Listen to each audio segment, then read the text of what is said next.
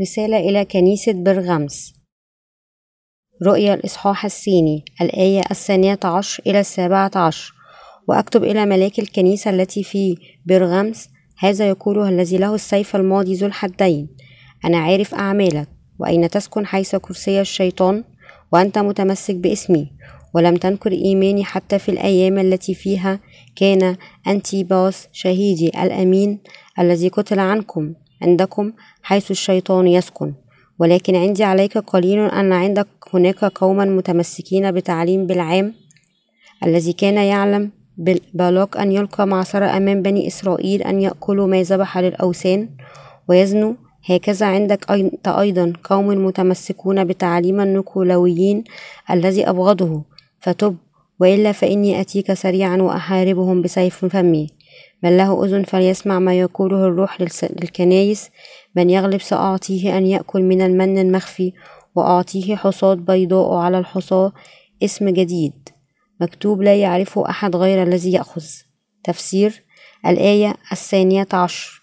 وأكتب إلى ملاك الكنيسة التي في برغمس. هذا يقول الذي له السيف الماضي ذو الحدين.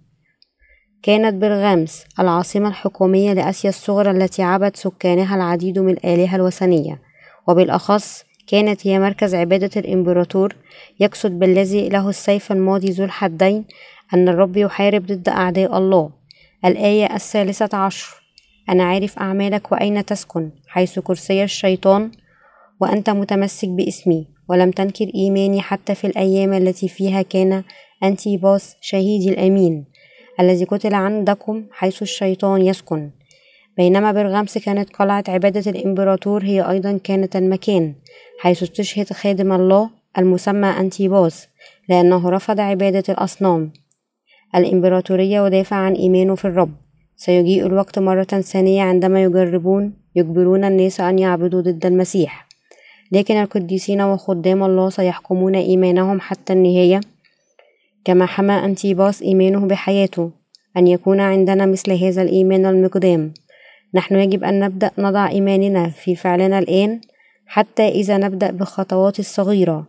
عندما يجيء وقت الاضطهاد يجب أن يعتمد القديسون وخدام الله على الروح القدس بالأخص. هم يجب أن يثقوا في الله ويعتنقوا استشهادهم بشكل راغب في الرجاء لكي هم يمكن أن يعطوا مجد إلى الله وينالوا السماء والأرض الجديدة منه. الآية الرابعة عشر. ولكن عندي عليك قليلا أن عندك هناك قوما متمسكين بتعليم بالعام الذي كان يعلم بالاق أن يلقي معصرة أمام بني إسرائيل أن يأكلوا ما ذبح للأوثان ويزنوا. وبخ الله كنيسة برغامس على أن بعض من أعضائها اعتنقوا ضلالة بالعام وكان بالعام نبي كذاب الذي قاد الإسرائيليون بعيدا عن الله وجعلهم يرتكبون عبادة أصنام بإغرائهم. أن يكون لهم علاقات مع الكاهنات الغير اليهود التي عبدت أصنام. وبخ الرب أولئك الذين تركوا الله بإيمانهم إن قلوب الناس قد تركته وبدلا منه عبدوا الأصنام الباطلة وأن خطية عبادة الأصنام هي الخطية الخطيرة أمام الله. الآية الخامسة عشر. هكذا عندك أنت أيضا قوم متمسكون بتعليم النكولويين الذي أبغضه. إن الكلمات نكولويين وبالعام في الكتاب المقدس هي مرادفة أساسا تعني أولئك الذين يسودوا على الناس. عندما قال الله بأن هناك قوم متمسكون بتعليم النكولويين هذا كان طريقة أخرى للقول أن كنيسة الله يجب أن ترفض.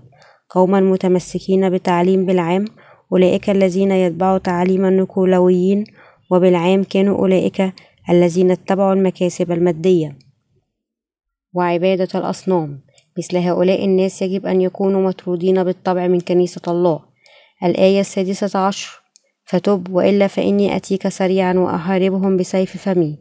الله إذا أخبر كنيسة برغامس أن تترك عبادة الآلهة الباطلة ومساعيها نحو المكاسب الدنيوية وترجع للإيمان الصحيح يحذرهم من ذلك ما لم يندمون.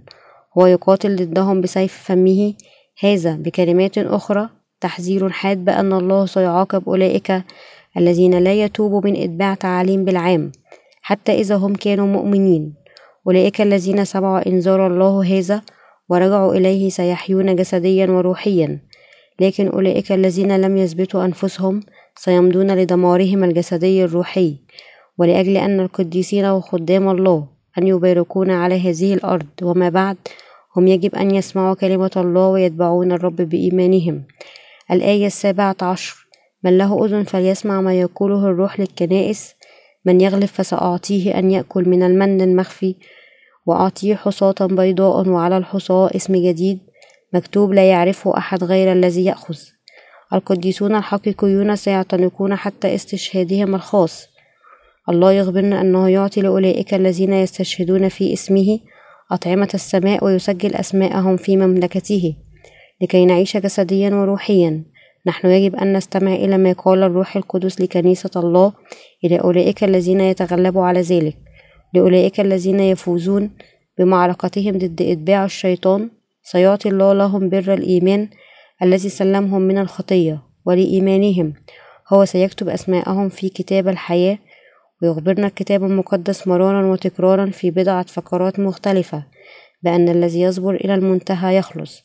القديسون بكلمات أخرى من الضروري أن يكون صبورين في أوقات النهاية لكي هم يمكن أن يحموا إيمانهم. في إنجيل الماء والروح إن أسماء المولودين ثانيا. تكتب في كتاب الحياة. المؤمنون يجب أن إذا يدخلون مملكة الله من خلال عدم إتباعهم للمكاسب المادية والدنيوية لكن تتغلب عليهم بالإيمان حتى يوم ذاته عندما هم سيقفون أخيرا أمام الله.